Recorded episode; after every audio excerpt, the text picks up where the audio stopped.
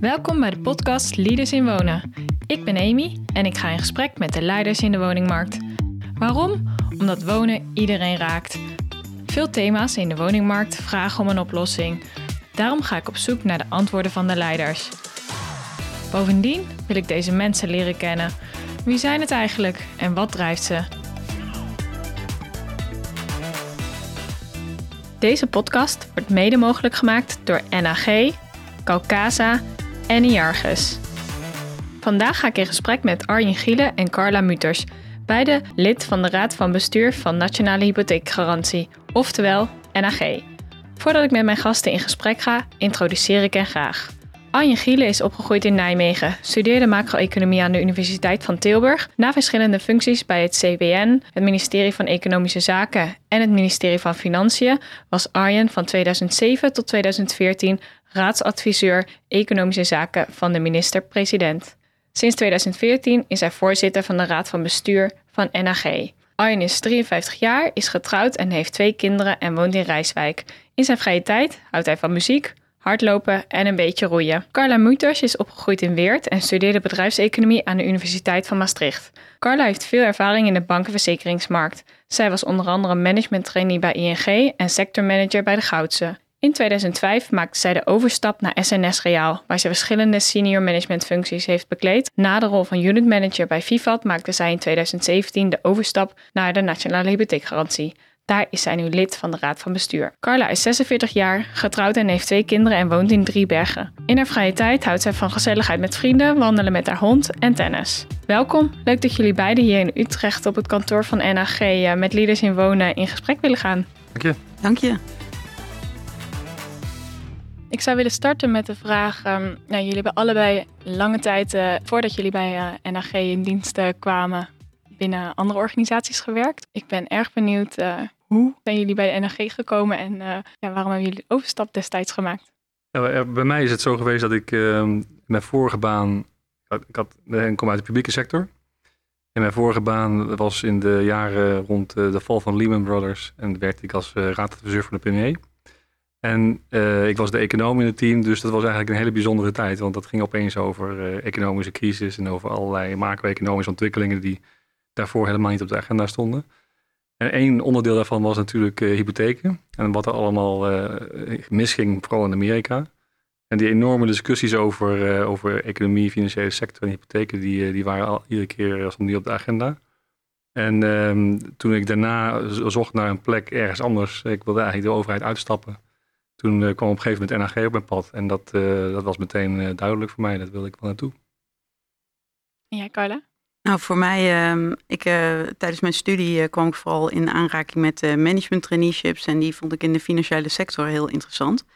En toen ik daar eenmaal aan begon, toen zag ik eigenlijk dat het consumentenvertrouwen echt wel beter kon. maar ja, dat, dat, dat was nog niet zo goed. En ik kwam alleen maar leuke mensen tegen in de sector. En ik dacht van nou, dat, dat moet kunnen dat we daar een uh, verschil in gaan maken samen en dat ik daaraan uh, bijdraag. Dus dat was voor mij in ieder geval in de financiële sector heel opvallend. En je vroeg ja, en toen naar NAG. Ik heb dus bij uh, bankverzekeraars gewerkt. En um, ja, toen ik in gesprek ging over NAG, werd mij duidelijk ja, dat die missie voor consumenten heel erg belangrijk is als stichting om daarbij te dragen voor consumenten. En dat je daar echt uh, ja, aan kan bijdragen en daarmee ook uh, impact en misschien wel meer impact kan hebben. En dat vooral met allerlei partijen samen. En dat is wat mij uh, heel erg aantrok. Ehm, vooruitgang, maar ook wat goed is voor de organisatie en de medewerkers en de klanten.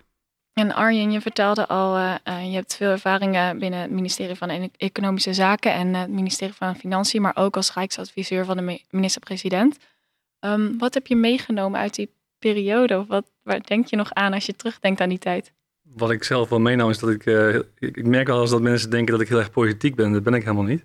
Ik merkte in die, in die banen altijd dat ik juist heel erg van, tussen aanhalingstekens, de inhoud was en ben. Ik ben eigenlijk als econoom begonnen bij het CPB en uh, daar heel erg met heel veel plezier gewerkt een aantal jaren. En daarna bij economische zaken, financiën. En de rode draad in mijn werk is altijd geweest dat ik uh, met name publiek-private uh, interacties heel interessant vind. Dus de, aan de ene kant is de overheid die maakt allemaal beleid, rolt het uit over sectoren. de andere kant heb je juist heel erg te maken met wat is nou goed beleid om inderdaad de burger of de klant centraal te kunnen stellen of een markt die niet goed werkt. En juist die interactie tussen overheid en, en bedrijfsleven in het algemeen. Nou, en in die jaren bij, bij Algemene Zaken was dat met name de financiële sector en, en de overheid. Ja, dat vind ik zelf gewoon fascinerend en heel leuk om, om mee bezig te zijn. En ja, wat, wat, wat daarvan bijblijft, dit zijn, het zijn bijzondere momenten op, uh, op terreinen zoals privatiseringsvraagstukken die zijn geweest in de afgelopen jaren in, in die periode. Maar ook uh, een UMTS-veiling ergens in 2002 was ook super interessant hoe dat dan uh, uiteindelijk ging. En juist het aan de ene kant helpen van een sector om iets neer te zetten. Dat was destijds telecommunicatie, hè, mobiele netwerken. Dat was 3G, even voor de goede orde, heel lang geleden. Um, en toch tegelijkertijd iets doen wat ook uh, voor de burger en voor de consument uiteindelijk beter uitpakt. Die spanning. Dat, dat vind ik echt heel erg leuk. En als je kijkt naar de publieke en private samenwerking, zit daar misschien ook uh, natuurlijk wel eens een spanning. Uh, wat heb je daarvan gezien? Of wat is daar het mooie aan als dat lukt? Of de moeilijkheid soms ook in? Nou, het kan moeilijk zijn als je elkaar niet wil begrijpen. Of als je het ingewikkeld vindt om elkaar te begrijpen. Als je uh, publieke, uh, de publieke sector pakt, uh, die, die kijkt echt naar een politiek besluitvormingsproces rondom wetgeving of beleid, wat moet worden gemaakt en moet worden verantwoord in de Tweede Kamer. Dat is één kant. In het bedrijfsleven heb je heb je, je organisatie te draaien en heb je je kosten en je, en je inkomsten en je hebt je, je systemen waar je in opereert. Je hebt concurrentie, je hebt wetgeving en dergelijke. En ja, gek genoeg, het zou elkaar toch moeten begrijpen, denk je, maar dat is niet vanzelfsprekend. Dus wat ik echt spannend vind, en nog steeds vind, ook nu bij NAG, maar daarvoor ook wel, is uh, hoe kun je elkaar proberen te begrijpen en respect te hebben voor elkaars positie en dan te kijken hoe het beter kan. En dat is echt in heel veel voorbeelden is dat, uh, is dat uh, terug te vinden, waar dat wel gelukt is. Maar ja, het, het, lukt ook heel vaak niet. Dus het is, dan is het een heel lang proces. Als je kijkt naar een pensioenakkoord of zo, dat duurt echt jaren voordat we eruit zijn. En ik vind het heel erg leuk om bij NAG dat op een wat uh, terrein te pakken van die hypotheken, waar we dus met elkaar, zoals we, het actieplan rondom eh, corona, hoe je dat met elkaar voor elkaar krijgt als sector. En dat is heel erg mooi. Zou je me mee kunnen nemen in de, in de afgelopen zeven jaar bij NAG? Ik denk dat toen ik kwam en toen ik keuze maakte, waren, waren eigenlijk een paar dingen een, een, grote uitdaging. En die, die zijn wel een beetje veranderd inmiddels.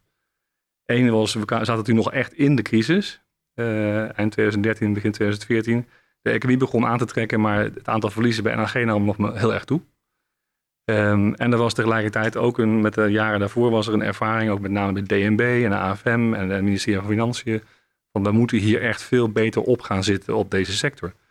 En het is allemaal legitiem, maar het was best wel stevig. Dus, uh, dus we hadden en uh, toenemende verliezen bij. Um, ehm, en over uh, het bankwezen was nog heel veel onzekerheid. En er was een neiging om heel erg veel ja, te reguleren en, uh, en nieuwe regels in te voeren. En in die periode eh, moesten we bij NAG heel goed kijken van uh, wat is nou onze toegevoegde waarde in de komende jaren. Want als hypotheken heel erg worden ingekaderd, nou, wat is dan nog je bijdrage als NAG?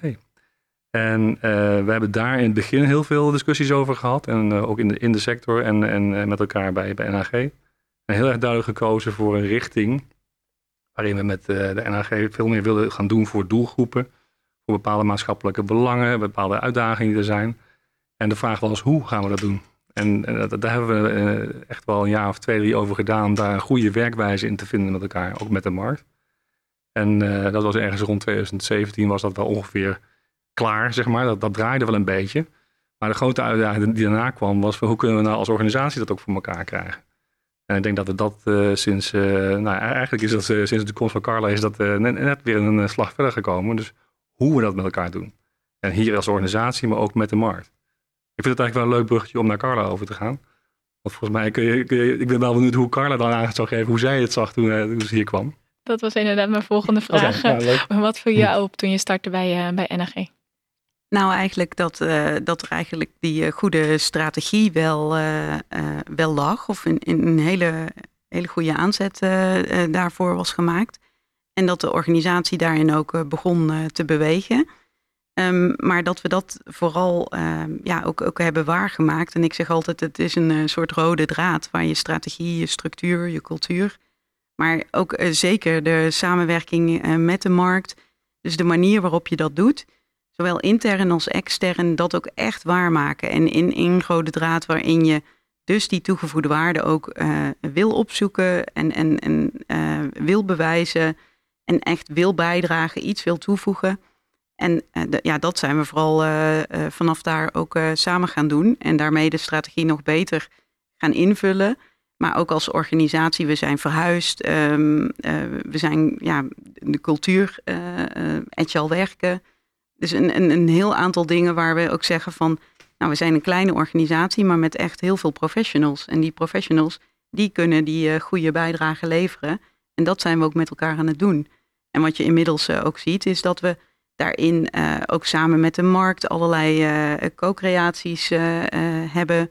Dat, dat, dat dat ook inderdaad, dat we terug horen, dat dat ook veel beter gaat samen. En dat we zelf ook, ook initiatief daarin nemen en, en proberen op te zoeken ja, waardoor er ook echt die bijdrage geleverd kan worden. En dat krijgen we dan zowel binnen en buiten ook terug. Maar natuurlijk is er altijd ook uh, werk aan de winkel. Dus dat is, uh, dat is denk ik nooit klaar. Maar het is wel mooi dat we, dat we meer die rode draad hebben neergezet uh, met elkaar. Ook in de structuur en ook in de cultuur. En hoe we de dingen doen. En ja, daar zijn we ook best wel trots op. Hoe krijg je partijen dan ook echt mee? Want je wil iedereen meenemen in die keten. Hoe doe je dat? Nou, door in ieder geval veel met elkaar ook in gesprek te zijn en, en te zorgen dat je vooral elkaar ook begrijpt hè, van waar ben je, uh, waar ben je mee bezig. Dus ook luisteren, dus contact opzoeken, maar luisteren wat er speelt. kijken um, wat, ja, wat de intenties ook daarachter zijn en wat je met elkaar belangrijk vindt en voor elkaar wil krijgen. Nou, en, en, en ook benoemen wat spannend is. Want dat is denk ik ook wel een, een, een crux. Hè. Dat gaat niet allemaal zomaar glad. En, en benoem dan met elkaar wat spannend is. En bijvoorbeeld vanuit NAG is, is het commercieel onderscheidend zijn natuurlijk niet zo belangrijk. Maar vanuit allerlei uh, geldverstrekkers zeker wel. En ook de rol in de keten en wie doet wat. En, en dat zijn ook dingen waar we echt wel tegenaan lopen.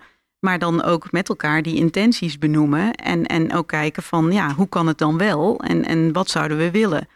En ook woorden als dromen zijn daar heel mooi. Dus als je het gaat hebben met elkaar over nou, hoe ziet dat eruit en, en waar droom je dan van? Dan, dan zie je dat daar uh, veel uh, gelijkenissen zitten. En dan kun je het daarna ook hebben over ja, en hoe dan? Hoe gaan we dat doen? Ik hoorde je eerder ook al zeggen, uh, consumenten vertrouwen, de consumenten meenemen en we doen het uiteindelijk ook daarvoor. Um, hoe zorg je er dan ook voor dat je echt handelt in het belang van de consument? Ja, door uh, in ieder geval uh, steeds ook uh, vanuit dat perspectief ook, ook te, te kijken en te denken. En de consument is best een moeilijke, want er zijn heel veel verschillende consumenten, maar ook, ook verschillende belangen. Maar dat is waar we, waar we wel echt ja, naar proberen te kijken van hoe kun je uh, bijvoorbeeld die consument helpen? Wat gebeurt er dan in dat proces van verduurzaming of van digitalisering of met data of um, met toegang of, of, woningbehoud? Dus op al die onderwerpen, wat is dan voor die consument uh, relevant? En ergens zien we dan ook dat we als sector uh, best tegen een aantal ja, complexe zaken aanlopen. Hoe maken we dat dan makkelijker? Hoe communiceren we beter? Hoe kunnen we dat vertrouwen ook uh, laten zien en bewijzen. En ja, zeggen is één, maar het ook waarmaken. En, en dat zijn allemaal dingen die daar een rol spelen. En jullie vertellen allebei, we hebben echt al flinke stappen gezet en we zijn echt trots op waar we nu staan. Ja, waar, waar willen jullie nog heen? Wat zijn nog toekomstdromen van jullie? Nou, de, de, de uitdagingen, ja, dat is inderdaad even goed om te markeren. Ik denk ook echt wel dat we dat uh, mogen zijn. En met elkaar in de sector ook mogen zijn, trots. Ook kijkt de afgelopen periode, dat de, de, sector als geheel en ook wij, maar zijn we samen in staat om dingen voor elkaar te krijgen. Dus dat is hartstikke mooi. Er komen allerlei nieuwe uitdagingen aan. En die, die, uh, die hypotheekmarkt die, uh, die is best goed ontwikkeld. alleen die mag best wel wat, wat meer meebewegen met, met ontwikkelingen. En in dat meebewegen zitten allerlei uitdagingen. als je kijkt bijvoorbeeld naar verduurzaming dan, uh, van, van de woningvoorraad, met name de bestaande woningvoorraad, ja, daar zitten nog best wel, flinke uitdagingen. En dan kan je best vanuit, kijken vanuit het perspectief van, uh, oké, ik, wil hier bepaalde eh, effect op hebben als, als partij. Maar als je je echt afvraagt, wat kunnen we samen bereiken, dat, dat kan niet anders dan meer zijn dan het gemiddelde. En die vraag stellen en daarmee met, elkaar aan de slag zijn, dat is, uh, dat is een belangrijke, een mooie uitdaging. En dat geldt voor iedereen in de sector, maar vooral uh, dus samen. En op digitalisering is dat ook echt heel duidelijk. Het is niet zomaar het digitaliseren van bestaande processen. Het is echt opnieuw kijken naar wat het beste werkt. En je ziet ook wel dat op, op deelterreinen gebeuren echt heel innovatieve dingen. Maar voor de sector als geheel is het een uitdaging om dat ook innovatief te doen met elkaar. En dan willen, willen wij echt niet zeggen dat wij daarin de, de topspeler zijn. Maar wij willen ook graag met elkaar die, vanuit die positieve intentie dat beeld gaan neerzetten. Als uh, Carla zegt dromen, nou onze dromen rondom data en digitalisering, die zijn best wel wat verder gaan dan wat er nu, wat er nu staat natuurlijk, met elkaar. Maar de, de, de essentie daar weer van is, en dat past heel mooi in denk ik waar we nu staan met elkaar, is dat je dat samen moet doen. En echt met begrip voor elkaars posities. En uh, dat, is, uh, dat lijkt mij een hele mooie uitdaging voor de komende jaren. We hebben denk ik uh, heel erg veel uh, uitdagingen nog wel. En, de situatie nu met het woningtekort, nou, daar doen we als hypotheeksector dan niet, niet meteen niets aan. Maar we kunnen wel kijken hoe we natuurlijk kunnen bijdragen aan, aan alternatieve woonvormen of wat we op dat gebied kunnen betekenen. We hebben natuurlijk de coronasituatie hoe kunnen uh, ondernemers, flexwerkers uh, gewoon weer een, uh, een, een, een, hypotheek krijgen als ze weer hersteld inkomen hebben en niet drie jaar achtervolgd blijven door een tijdelijk inkomensverlies. maar kijken ook naar de, toetsen van betaalbaarheid. in het verleden, ja, dat, dat het vaste contract, maar de arbeidsmarkt is veel flexibeler geworden. En, en, dat zal ook uh, zich doorzetten. En, en ook de verandering van huishoudens. En wat betekent dat dan als je dat combineert met de mogelijkheden van digitalisering en data? Dus ja, die hypotheek van de toekomst, is dat nog wel uh, eh, 30 jaar lang hetzelfde, maandelijks hetzelfde bedrag betalen? Of kijk je dus veel meer naar ook uh, levenspatronen, live events, hè, de fases in leven van, van consumenten, maar ook naar hun, ja, hun arbeids ja, contract of situatie, zeg maar. Naar het perspectief dat ze hebben. Maar, uh, en naar de inkomsten en uitgaven. Dus PSD2-achtige oplossingen. nou ja, brondata gebruiken in plaats van documenten. Dus we kunnen een heleboel dingen verbeteren. Waardoor die consument eigenlijk vooral direct duidelijkheid kan hebben. En ook echt inzicht en overzicht kan krijgen. En, en, en ook het perspectief wat te doen. En dus die dienstverlening, die kunnen we echt met elkaar verbeteren. En, en, ja, dat zijn dus wel wat uh, ontwikkelingen die spelen. Dus genoeg te doen, uh, inderdaad. Ik wil allereerst even ingaan op uh, betaalbaarheid, want dat hoor ik in bijna elk interview wel, wel terug, dat dat zo belangrijk is nu binnen de woningmarkt. Hoe kunnen we dat voor elkaar krijgen? Ja, mooi. nee, ik denk dat we met elkaar echt weten, iedereen weet dat de grootste uitdaging op dit moment is, een, is, is de schaarste aan woningen. En dat in combinatie met de extreem lage rente, die nog een tijdje laag blijft, waardoor de prijzen heel hoog zijn. Wat niet hetzelfde is als betaalbaarheid natuurlijk. Hè. Dus uh, je kunt door die lage rente kun je meer bieden. Dus uh, ja, de huizenprijzen stijgen als een gek. Maar wie heeft daar het meeste last van? Dat is de grote vraag. Um, en dat zijn toch vooral jonge mensen die willen starten op de woningmarkt. En hoe ga je daar nou oplossingen voor bedenken? En wat is dan betaalbaarheid? Nou, de eerste oplossing voor betaalbaarheid is uh, voldoende woningen bouwen, erbij bouwen, of door splitsing of door kantoortransformaties, wat dan ook, het aanbod vergroten. Dus wat, wat Carla net ook zegt, dat is, dat is iets waar we in ieder geval vanuit NHG en hypothecaire financiering misschien niet heel erg direct iets aan kunnen bijdragen, maar indirect toch ook weer wel. Um, door in ieder geval te faciliteren dat splitsingen mogelijk zijn, of door snel mee te ontwikkelen met, de, met de vragen die komen vanuit uh, het bouwen van flexwoningen bijvoorbeeld. Als je daar vanuit de financiële sector snel op meebeweegt, dan kun je dus ook bijdragen aan sneller uh, toename van het aanbod van woningen. Dus daar zitten wel wat, mooie ontwikkelingen in. Um, en betaalbaarheid aan de andere kant is, ja, sommige gemeenten kiezen ervoor om uh, starters gewoon echt een voordeel te geven en voorrang te geven om in een huis terecht te kunnen. Maar ja, daarmee duw je wel weer iemand anders weg, zolang het schaarste is. Maar dan is de betaalbaarheid voor die starter ook beter uh, gediend. Nou, en daar kijken wij natuurlijk ook wel mee naar. En dat, dat soort oplossingen. Dus in die kant kun je wat doen aan betaalbaarheid. Uh, tegelijkertijd ja, maken wij ons ook wel zorgen om wat er nou wat zou gebeuren als de rente gaat stijgen. Heel veel mensen hebben gelukkig ook een wat langerjarige hypotheekcontract inmiddels afgesloten met deze extreem lage rentes. Maar er komt een moment dat als, als de rente gaat stijgen, dat het wel via mensen gaat raken. Um, en daarom blijft het gewoon een continue aandacht voor met name de starters om daar uh, de toegang voor op peil te houden. Uh, zonder dat we daarmee, en dat is ons groot dilemma natuurlijk, zonder dat we daarmee olie op het vuur willen gooien. We willen niet proberen om mensen zomaar heel erg veel meer leenruimte te geven, uh, waardoor je uiteindelijk de huizenprijs nog verder laat stijgen. Maar verantwoorde mogelijkheden voor starters, als dat te maken heeft met een flexinkomen of nog een, daar willen we echt wel aan blijven bijdragen. En als je kijkt uh, naar uh, betaalbaarheid en waarom het ook zal terugkomen, is omdat het zeker ook in uh, de coronasituatie een, ja, een, rol speelt. En hopelijk met, met wat positieve vooruitzicht een kleinere rol dan we dachten. Maar ook dat is nog steeds onzeker. Dus betaalbaarheid is ook belangrijk in, voor mensen die nu een woning hebben en hun woning ook willen behouden. daar zijn we als sector ja, goed op voorbereid en, en proberen we onze oplossingen nog uh, verder te verbeteren. Um, maar betaalbaarheid is ook uh, uh, het, het, gebruik maken van mogelijkheden om dat nauwkeuriger vast te stellen. En dat kan vooral met digitalisering en data. En dat is ook een onderwerp. Dus hoe kijk je naar iemand zijn inkomsten en, en, en uitgaven? En kun je dus nog beter inschatten en ook met het perspectief meenemen um, um, of die woning betaalbaar blijft. En, en wellicht ook nog zelfs in bepaalde levensfases. En dat kunnen we denk ik wel uh, uh, in de komende jaren nog beter en nauwkeuriger gaan doen. Zijn er andere voorbeelden die jullie willen aanhalen, die jullie zien in de markt waarvan je zegt, nou daar worden wij zo enthousiast van? Nou ja, kijk, op het gebied van, uh, toch even bij die digitalisering blijven, die, op het gebied van het, um, het mogelijk maken van veilig data delen door de consument met geldverstrekkers of meer breder. Daar gebeurt zoveel tegelijkertijd nu op dit moment. En er zijn echt meerdere partijen mee bezig. En het is een gezamenlijke zoektocht. Um, maar dat is denk ik een hele mooie ontwikkeling. Want uiteindelijk gaat dat, dat zal, dat zal de sleutel zijn voor bijna alle dienstverlening in de komende jaren. En als dat op een veilige manier kan voor mensen, dan is dat heel mooi. En daarachter komen dan uh, al die discussies over van uh, uh, ja, hoe kun je met die data dan een beter advies geven of een betere beoordeling van iemands perspectief en dergelijke. Maar wij, wij vinden zelf die ontwikkeling en die hele basale kant van het hebben van een appje op je telefoon waarin je gewoon je gegevens kan delen met een geldverstrekker heel snel het proces in kan stappen. Dat is een hele mooie ontwikkeling op dit moment.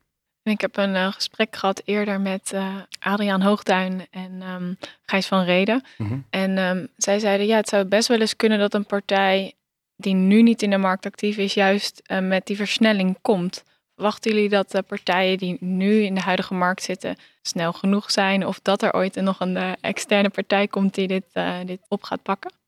Ja, wij zijn in ieder geval wel uh, blij dat we juist samen in de sector bezig zijn om, om dat uh, goed te proberen te regelen. Dus, uh, en, en dat is wel ook echt noodzakelijk en ook, ook fijn voor de consument en voor adviseurs, hè, dat we dat niet allemaal in ons eentje op allemaal verschillende manieren aan het doen zijn. Dus wij hebben vooral heel veel vertrouwen in dat het, dat het goed is als je dat zelf doet en als je dat samen doet met elkaar. En daar zijn we ook mee bezig. En uh, daar zien we echt uh, ja, goede initiatieven, goede samenwerking. En ook komen we daar uitdagingen in tegen. Maar um, ja, het belangrijkste is dat dat, uh, dat dat echt wordt opgepakt en loopt. En ook, ja, wat mij betreft, ook altijd wel weer sneller of beter zou mogen. En we hebben nu digitalisering en betaalbaarheid besproken. Zijn er nog, of zijn hier nog onderdelen bij waarvan je zegt dat hebben we nog niet benoemd, wil ik graag toevoegen? Nou ja, in die, uh, in die digitalisering is wel interessant dat je ook nog kan kijken wat betekent dat dan voor die dienstverlening aan die consument en wat doe je dan samen en wat, wat niet. Hè? Um, je ziet uh, dat er allerlei live events uh, kunnen zijn, hè, waardoor er iets verandert in je financiële situatie. Nou, kunnen we daarin ook, dus als we die data aan de voorkant allemaal hebben, kunnen we die ook gebruiken voor periodieke dienstverlening. Um, um, ja, kunnen we, kunnen we daar dus de, de consument helpen om beter dat inzicht en overzicht te krijgen. Ja, en willen we daarin samenwerken? Dat is ook, ook wel een uitdaging. Uh, want ja, iedereen kan zijn eigen mijnomgeving uh, voeden. Uh, maar ja, willen we dat samenbrengen zodat de consument het totale overzicht heeft? En, en wie doet dat dan en hoe doe je dat dan? Dat zijn ook nog wel volgende spannende stappen. We hebben specifiek nog even ingezoomd op uh, de starters op de woningmarkt. Er zijn natuurlijk ook andere uh, specifieke groepen die het nu moeilijker hebben. Uh, of bijvoorbeeld ook ouderen die langer blijven wonen in hun huidige woning. Ja, kunnen jullie daar iets over zeggen over andere doelgroepen waar jullie veel voor doen? Ja, ik denk dat als je, als je meteen naar de andere kant van de markt kijkt, naar, ouderen, naar senioren, dan heeft het nog wel een relatie met de starters. Um, in die zin dat als je de mobiliteit en de bewegingen door ouderen bevordert. En dat is wel iets wat, wat waardevol kan zijn. Dat je daarmee ook ruimte vrij speelt voor het, het zogenaamde treintje op de woningmarkt. Dus als er dan ouderen in een grote woning zitten, dan kan dat naar een gezin. En als het gezin dan in die kleinere woning eruit gaat, dan komt er weer wat vrij voor een starter. Dus dat hele verhaal maakt dat ze ook met elkaar te maken hebben. Dus als je naar de markt als geheel kijkt. Maar als je kijkt naar ouderen als zodanig, wat zijn hun uitdagingen, dan gaat het heel vaak om het langer willen blijven wonen in de woning waar je zit. Of het kunnen verhuizen naar de woning waar je heen wil. En beide kan moeilijk zijn. Dus het kunnen verhuizen naar een kleinere woning waar je heen wil, uh, dat heeft ook weer te maken met dat eerste punt. Hè? Uh, dan gaat het er echt om van, nou, wat, hoe zijn nou de, de, de leennormen die je, die je krijgt als je nu een kleinere woning wil gaan kopen. Uh, daar zaten wat belemmeringen in, daar hebben we een tijdje terug wat aan gedaan. Dus dat is iets wat we, waar we wel blij mee zijn. Maar die andere vraag van hoe kun je nou ervoor zorgen dat je kunt blijven wonen in je woning? En moet er dan aanpassingen aan de woning plaatsvinden? Daar is voor een deel een oplossing voor. Maar dat denk ik altijd aan de traplift, hè, die moet worden geïnstalleerd. Maar dat moet wel gefinancierd worden. En uh, voor sommige mensen is dat heel goed te betalen en voor anderen wat minder goed. Dus daar zitten ontwikkelingen waar we wel naar, naar willen kijken.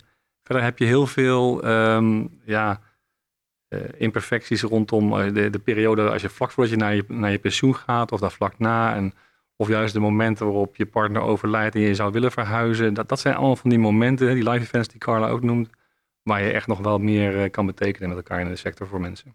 Verduurzaming is natuurlijk ook een belangrijk thema uh, bij jullie op de agenda. Uh, uiteraard ook bij alle hypotheekverstrekkers die ik spreek. Nou, je hebt daar laatst ook een interview over, uh, over gegeven, Carla. Zou je daar iets meer over kunnen vertellen? Ja, verduurzaming, en Arjen zei het net ook al, van, ja, voor, vooral voor die bestaande woningen is dat een uitdaging. Um, maar ook wat we zien hè, bij hypotheken die nieuw gesloten worden of overgesloten worden Um, daar kan nog het, het, het, percentage wat verduurzaming ook meeneemt, hè, eh, ook nog omhoog. Maar de grootste uitdaging zit bij die consumenten die in een bestaande woning zitten. En dan? En dan zie je dat ook de woningen voor uh, die ouder zijn dan, dan, dan de jaren zeventig, dus, dus wat oudere woningen met een lager energielabel, dat daar echt een uitdaging zit om, om ook mensen in beweging te krijgen.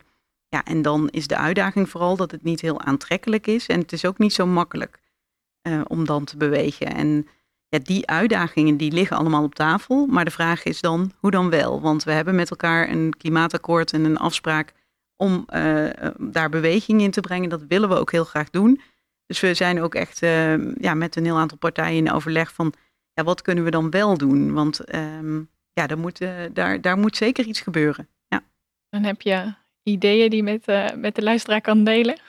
Nou ja, de, de, de, er zitten meerdere kanten aan. Hè, van hoe maak je het dan aantrekkelijker en eenvoudiger? Hè? Dus, dus dat ja, aantrekkelijk maken is ook wel duidelijk zijn over um, hoe werkt het dan hè? En, en, en, en wat is het dan? Uh, dus, dus bewegen ook vanuit het belang hè, van het klimaat. Zeker met onderbouwing voor de, de wat makkelijkere maatregelen van wel het terugverdienen maak dat duidelijker en aantrekkelijker, maak dat proces eenvoudiger. Dat zijn dingen die, die, die al, al gaan helpen. En waar we ook kijken is hoe kunnen we met partijen samenwerken. Dus dat het niet voor een consument allemaal losse stappen zijn, maar meer een totaalplaatje uh, gaat worden. En, en wat dan wel overzichtelijk is en ja, makkelijker. En hoe ver zijn partijen hierin? Of hoe zie je dat nu in de, in de hypotheekmarkt? Nou, dat dit wel een grote uitdaging is. Dus het is niet, uh, dat, uh, dat is zeker niet klaar. Daar, uh, daar zit, zit en moet ook veel beweging op zitten. Dus, dus daar hebben we echt nog wel wat te doen. En um, ja, ook echt om die consument dan te bewegen. Dus dit, is, dit is een grote uitdaging die voor ligt. Maar waar in ieder geval um, de intenties heel duidelijk zijn vanuit alle kanten om daar iets aan te willen doen. En de vraag is dan ja, om ook uh, te gaan kijken van ja, wat werkt dan wel? En wat wij zelf ook, uh, ook graag willen, is, is ook een aantal dingen proberen. En dan kijken ja, wat dat oplevert en of dat iets oplevert om zo met elkaar iets ja, te, gaan vinden wat, wat, wat ook weer groter en schaalbaar uh, is. maar aan de slag en gaan doen. Je noemde het net ook al, het plan dat jullie hebben opgesteld, uh, krachten bundelen voor uh, hypotheekklanten um, en hypotheekaanbieders uh, als het gaat om achterstanden rondom corona. Zou je kort in kunnen gaan op het, op het plan en wat jullie daarin ja, willen aankondigen? Ik denk dat het, het belangrijkste wat, wat we met dat plan hebben bereikt met elkaar is dat we allemaal alert zijn en klaarstaan voor eventuele problemen. Wat ik zelf heel mooi eraan vond, was dat in januari ook echt nog wel dachten dat er zullen wel grote problemen gaan stapelen nu. Dat viel gelukkig mee. En tegelijkertijd blijft de onzekerheid over de economie heel groot. En dus is het heel mooi dat we met elkaar die exercitie hebben gedaan. Dat we samen echt alles op tafel hebben gelegd wat we zouden denken dat zou kunnen en dat zou kunnen gebeuren, maar ook wat we zouden kunnen doen. Ehm, wat we hebben, met name hebben aangekondigd is dat we goed gaan monitoren wat er gebeurt. Dat we gaan kijken naar mensen die in beheerssituaties zitten. Uh, dat we iets gaan doen voor mensen die een, een tijdelijke dip in inkomen hebben gehad. En uh, ondertussen dat we alert blijven. En uh, ja, het mooie is, of het mooie, het, het, het, bijzondere is wel dat we dan op, op, de dag dat wij publiceren, blijkt opeens weer het aantal besmettingen heel erg hoog te zijn. Gaat, komt er weer een tegenvaller aan. Dat illustreert weer hoe onzeker het toch nog wel is hoor, deze situatie met corona. En tegelijkertijd moeten we denk ik wel met elkaar constateren dat het op dit moment economisch best goed gaat. En dat is denk ik heel mooi. Dus daar zijn we gewoon heel blij mee. Ja, misschien ook goed om te zeggen dat, uh, dat er in de sector ook al, uh, al, al veel maatregelen waren getroffen. Hè? Dus dat, um, ja, dat, dat die individuele voorbereiding er ook, uh, ook zeker al was. Maar dat we vooral ook nu um, die samenwerking hebben opgezocht. Eh, om te kijken van hoe doen we dat samen eh, beter en eh, wat kunnen we ook van elkaar leren. En dat is ook iets, denk ik, wat ja, iets is om trots op te zijn, maar nog veel meer ook te blijven doen. Dat vooruitkijken en voorbereiden. En, en, en daar ook hè, weer wat bredere bijvangst uit te hebben. van, want, want nu is het corona en een bepaalde flexibiliteit of betaalproblemen. Maar ja, in de toekomst het kan ook die flexibiliteit in de arbeidsmarkt. Of nou ja, hoe ziet dat eruit economisch? dat, dat kunnen ook lessen voor een langere termijn zijn. En verder had ik nog op mijn lijstje staan onbalans tussen de huur- en woon, woningmarkt of de hypotheekmarkt. Is dat nog iets waar jullie iets over willen zeggen of waarvan je denkt, ja, daar hebben we wel een idee bij hoe, hoe we dat beter kunnen krijgen? Nou ja, het is een, het is een algemeen issue, hè, wat, wat denk ik ook wel vaker in de, in de podcastreeks terug zal zijn gekomen. Maar dat als je kijkt naar de individuele consument die van de ene situatie, namelijk huur naar koop wil gaan, dat die tegen belemmeringen aanloopt die voor een deel heel logisch zijn. Uh, omdat huren iets anders is dan kopen. Heeft andere onzekerheden, andere risico's. Maar voor een deel toch wel wat vraagtekens oproepen.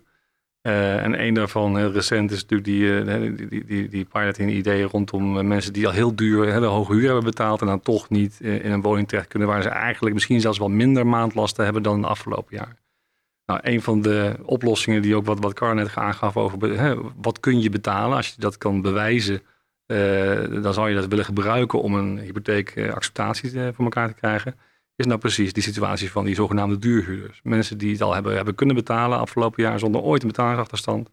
Moet je die betaalgeschiedenis niet meenemen als je uh, hypotheek gaat, uh, gaat aannemen. Nou, dat soort voorbeelden, ik denk dat dat ook de komende tijd meer aandacht zal krijgen. We hadden het al even over starters op de woningmarkt. Hoe zijn jullie eigenlijk ooit zelf gestart met de eerste koopwoning? Of? Mijn eerste koopwoning was niet in Amsterdam, vooral. Dus uh, ik, ik kreeg het niet voor elkaar in Amsterdam te kopen, van huur naar koop te gaan. En toen uh, zijn we naar Den Haag verhuisd. En hebben we gewoon een heel rustige woning kunnen kopen in Den Haag. Dat lukte toen nog wel. Maar vooral die, die ervaring van Amsterdam, en dat was eind jaren negentig wat dus uh, wel vaker in zo'n golf zit van extreem onbetaalbare woningen. En als je dan achteraf, als je dan nu terugkijkt, denk je van, nou, die prijzen waren helemaal niet zo hoog. maar uh, nee, maar dat, uh, mijn eerste koopwoning was gewoon een rijtjeshuis in Den Haag, wat ik kon betalen en wat ik vooral kon krijgen. Want toen was de markt ook erg oververhit. Ja, voor mij, ik ben in Utrecht na mijn studie terechtgekomen en eerst in, in Lombok een jaar gehuurd. Daarna in Tuindorp twee jaar nog gehuurd. En toen een koopwoning. Mijn tussenwoning in Utrecht. En toen op de top van de markt in 2008 heb ik een woning in Driebergen gekocht. Dus ja, op die top kopen. en de, ja, de huidige huizenmarkt is denk ik nog lastiger qua prijzen. Maar als je het kunt betalen en als je je kunt voorstellen dat je daar ook langer kan blijven en, en, en dat je dat het ook waard vindt, hè, dan, dan, dan is dat goed. Maar dat is mijn ervaring ook op een andere top, maar dat was 2008. Uh. Mm Ja, jij noemde het al, je bent heel trots op uh, wat jullie bij NAG hebben neergezet. Ik ben wel benieuwd, ja, waar zijn jullie echt trots op als je kijkt naar je loopbaan? Ik denk wel wat mijlpalen in, in als je zo terugkijkt, hè, wat uitzoomt, dan, dan zie je gewoon wat mijlpalen die je, uh, ja, die je hebt gedaan. En, en ik, um, ik merk ook uh, dat ik uh, ook, ook vanuit mijn vorige baan, dat ik echt nog contact met een aantal collega's heb. En we ook uh, dan, het dan hebben over hoe hectisch en dynamisch en um, ons van alles gebeurde. Maar hoe leuk het ook was dat we daar echt met een aantal mensen keihard aan het werken waren. En soms ook te hard. Maar omdat we elkaar allemaal gek maakten. Maar dat we daar heel veel van geleerd hebben. En dat het ook een heel erg leuk gezelschap was van, van mensen. Dus ja, als ik zelf kijk, dan, dan zijn er zo een aantal uh, mijlpalen die te maken hebben met ja, een management traineeship, maar toen een hele leuke, uitdagende, uh, leidinggevende baan. Uh, toen ik 26 was, werd ik sectormanager, verantwoordelijk voor een aantal business units. Nou, dat, dat, dat was een hele mooie stap. En daarna ben ik naar SNS Reaal gegaan, maar ook dingen daarin als, als, als overnames. Ehm, maar uiteindelijk ook nationalisatie en juist verkoop aan Chinezen. Dus hele grote veranderingen. Um, ook het Woekerpolis dossier heel moeilijk. Uh, dus echt een aantal grote uitdagingen. Maar steeds de rode draad um, met een, uh, een, een, een, heel leuk team. Um, met, met goede mensen. Keihard werken, maar ja, ook veel voor elkaar krijgen. Dus dat.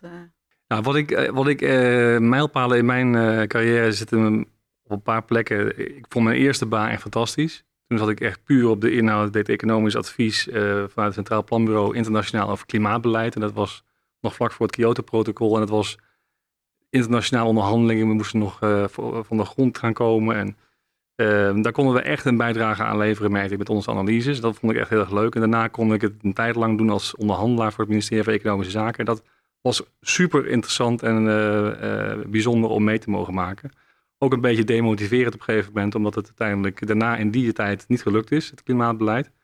Uh, maar het was echt wel een hele mooie tijd.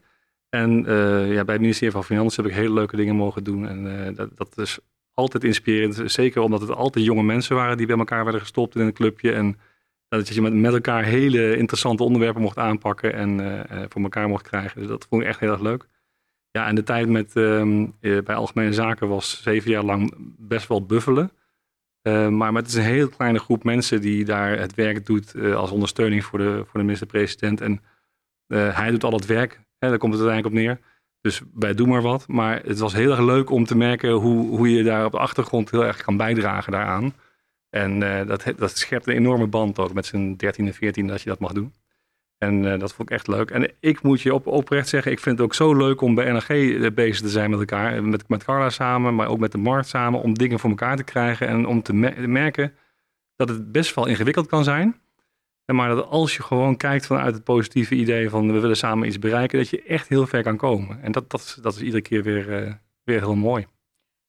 In dit gesprek denk ik, volgens mij zijn jullie allebei heel blijmoedig en positief ingesteld als, als type persoon van we gaan dat gewoon doen. En eigenlijk altijd wel die oplossing uh, zien. Uh, klopt dat? Ja, dat, dat, ja, dat klopt denk ik wel. Uh, ieder op zijn eigen manier, ja, zeker. Ja. Ja, en ook wel weer heel verschillend. Want ieder op zijn eigen manier, dat is ook wel heel erg waar. Want we hebben niet alleen een verschillende achtergrond, maar ja, we verschillen best behoorlijk van elkaar in, in een heel aantal opzichten. Dus het is, um, die positiviteit, ja. En ook, um, maar ook twee andere woorden. En vertrouwen en ambitie. En dat uh, is mm -hmm. denk ik uh, aanvullend hè, op die positiviteit. Want dan zie je veel kansen. Dan kun je die ambitie waarmaken. Maar ook, ook dat vertrouwen in uh, die goede bedoelingen. en, ja, en dat, dat maakt dat samenwerking gewoon gaat vliegen. En uh, het stuk wat je zegt, uh, we, vullen elkaar eigenlijk heel erg aan. En zou, ja, dat is natuurlijk wel interessant als je samen in een bestuur uh, werkt om elkaar aan te vullen. Kun je daar een voorbeeld van noemen hoe jullie elkaar dan aanvullen of op welke onderdelen dat, dat geldt? Nou ja, wij, wij, wij proberen eigenlijk ook al, altijd niet zomaar het logische te doen. Dus niet zomaar, doe niet, doe niet wat je al deed of wat je al kon. Maar um, um, heb het echt over die, uh, over die energie met elkaar. En daag elkaar uit. En gun elkaar vooral uh, uh, ja, die, die ruimte. En dan kom je met vertrouwen en ambitie kom je heel ver. Ja, je zei al best wel hectische periodes ook gehad tijdens een werkcarrière. Hoe heb je dat altijd gecombineerd? Thuis en werk en privé? Ja, nou ja, dat, die vraag krijg ik uh, wel uh, vaker en kreeg ik ook altijd wel vaker. Um, mijn kinderen zijn inmiddels uh, 16 en 13, um, maar ik heb altijd wel fulltime gewerkt. En wat ik zelf merk is dat ik ook denk dat ik gewoon een leukere moeder ben, doordat ik gewoon ook leuke dingen doen, doe waar ik energie van krijg. En ja, verder is het gewoon heel goed plannen. Dus ja, plannen dat je er op belangrijke momenten bent en um, ja, de, ehm, de energie ook, ook juist benutten. Dat heeft denk ik een hele positieve uitstraling. Maar ik hoor wel eens uh, terug, omdat uh, mijn kinderen mijn laptop altijd associëren met werk. Hè. Dat maakt niet eens uit of je dan iets anders wat je daarnaast doet nog gaan doen bent. Of... Maar dan, ja, mama zit wel veel achter de laptop. Of... Dus dat zijn zeker uitspraken die ik ook herken. En, ehm, maar het is vooral ook doen en kijken hoe het wel kan. En ook daar, ja, daar, dan, dan is bij mij en, best veel mogelijk. Dus ik, ik kijk altijd naar hoe het wel kan. En er kan nogal veel bij mij. Dus doen en combineren en zelf ook die energie gebruiken die je daaruit krijgt. Want dat is heel belangrijk, want ik zie ook, ook zij worden groter en doen hun eigen dingen. En dan ben ik toch ook blij dat ik juist ook altijd mijn eigen dingen ben gaan doen. Of ben blijven doen. Maar um, soms ben ik daar ook wel eens te ver in gegaan. Zoals ik zei bij mijn vorige baan. Dat kon ook wel eens um, ja, aan de verkeerde kant uh, op, uh, opschieten. Maar um, als je dat maar in de gaten houdt en ook je momenten bijvoorbeeld van vakanties of hè, voor corona uh, uh, was dat gewoon nog mogelijk. Uh, maar als je dat soort momenten ook blijft plannen en um, ja, dat, dan kan het. En jij Arjen? Ja, volgens mij is het echt voor iedereen anders. En het is, wij hebben gewoon best wel redelijk goed het werk verdeeld thuis. En dat, dat, dat kon ook een lange tijd wel, maar het kon ook een aantal jaren niet. Hè. Dus bijvoorbeeld in de periode bij Algemene Zaken was het echt niet te combineren. Maar dan stond ik gewoon nog vroeger op en dan was ik ochtends bezig met de afwas of met dingetjes voorbereiden voor de kinderen of s'avonds aan het koken. Of... Dus de, je, je vindt oplossingen. En uh, ik denk dat het allerbelangrijkste is, en dat herken ik heel erg wat Carlo ook zegt, als je je eigen energie behoudt, als je, als je het leuk vindt wat je doet, dat helpt dat enorm veel. En dat je dus ook gewoon plezier maakt als je thuis bent. Ik heb ook uh, twee kinderen en uh, we hebben dat altijd, we hebben altijd dat plezier gehad met de kinderen. En dat, is, dat vergt af en toe wel even omschakelen natuurlijk. Je moet even van je werk omschakelen naar dat je weer thuis bent. En dat plezier maken op je werk en plezier maken thuis, dat is voor, voor, mij gewoon de sleutel. Zijn er nog tips voor de luisteraars of andere zaken die jullie willen toevoegen?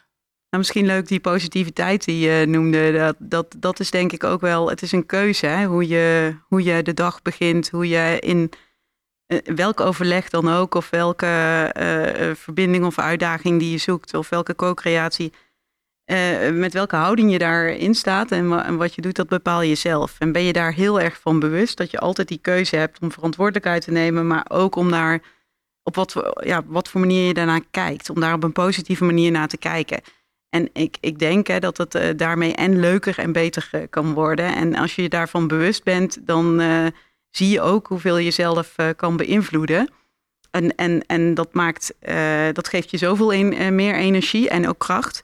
Um, ja, om de dingen te bereiken. Dus ja, het klinkt misschien super logisch, maar het is, uh, het is niet zo vanzelfsprekend. Dus blijf jezelf bewust uh, daarvan.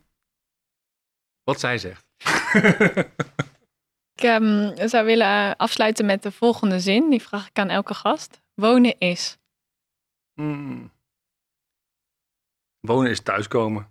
Ik wil jullie bedanken voor dit uh, positieve gesprek. Waarin ik uh, mee heb gekregen dat er gewoon uh, heel veel mogelijk is. Dat er veel uh, nog op de agenda staat om te doen. Maar met jullie energie, ja, dat er ook gewoon heel veel mogelijk is. Dat vind ik heel, heel erg uit dit gesprek naar voren gekomen.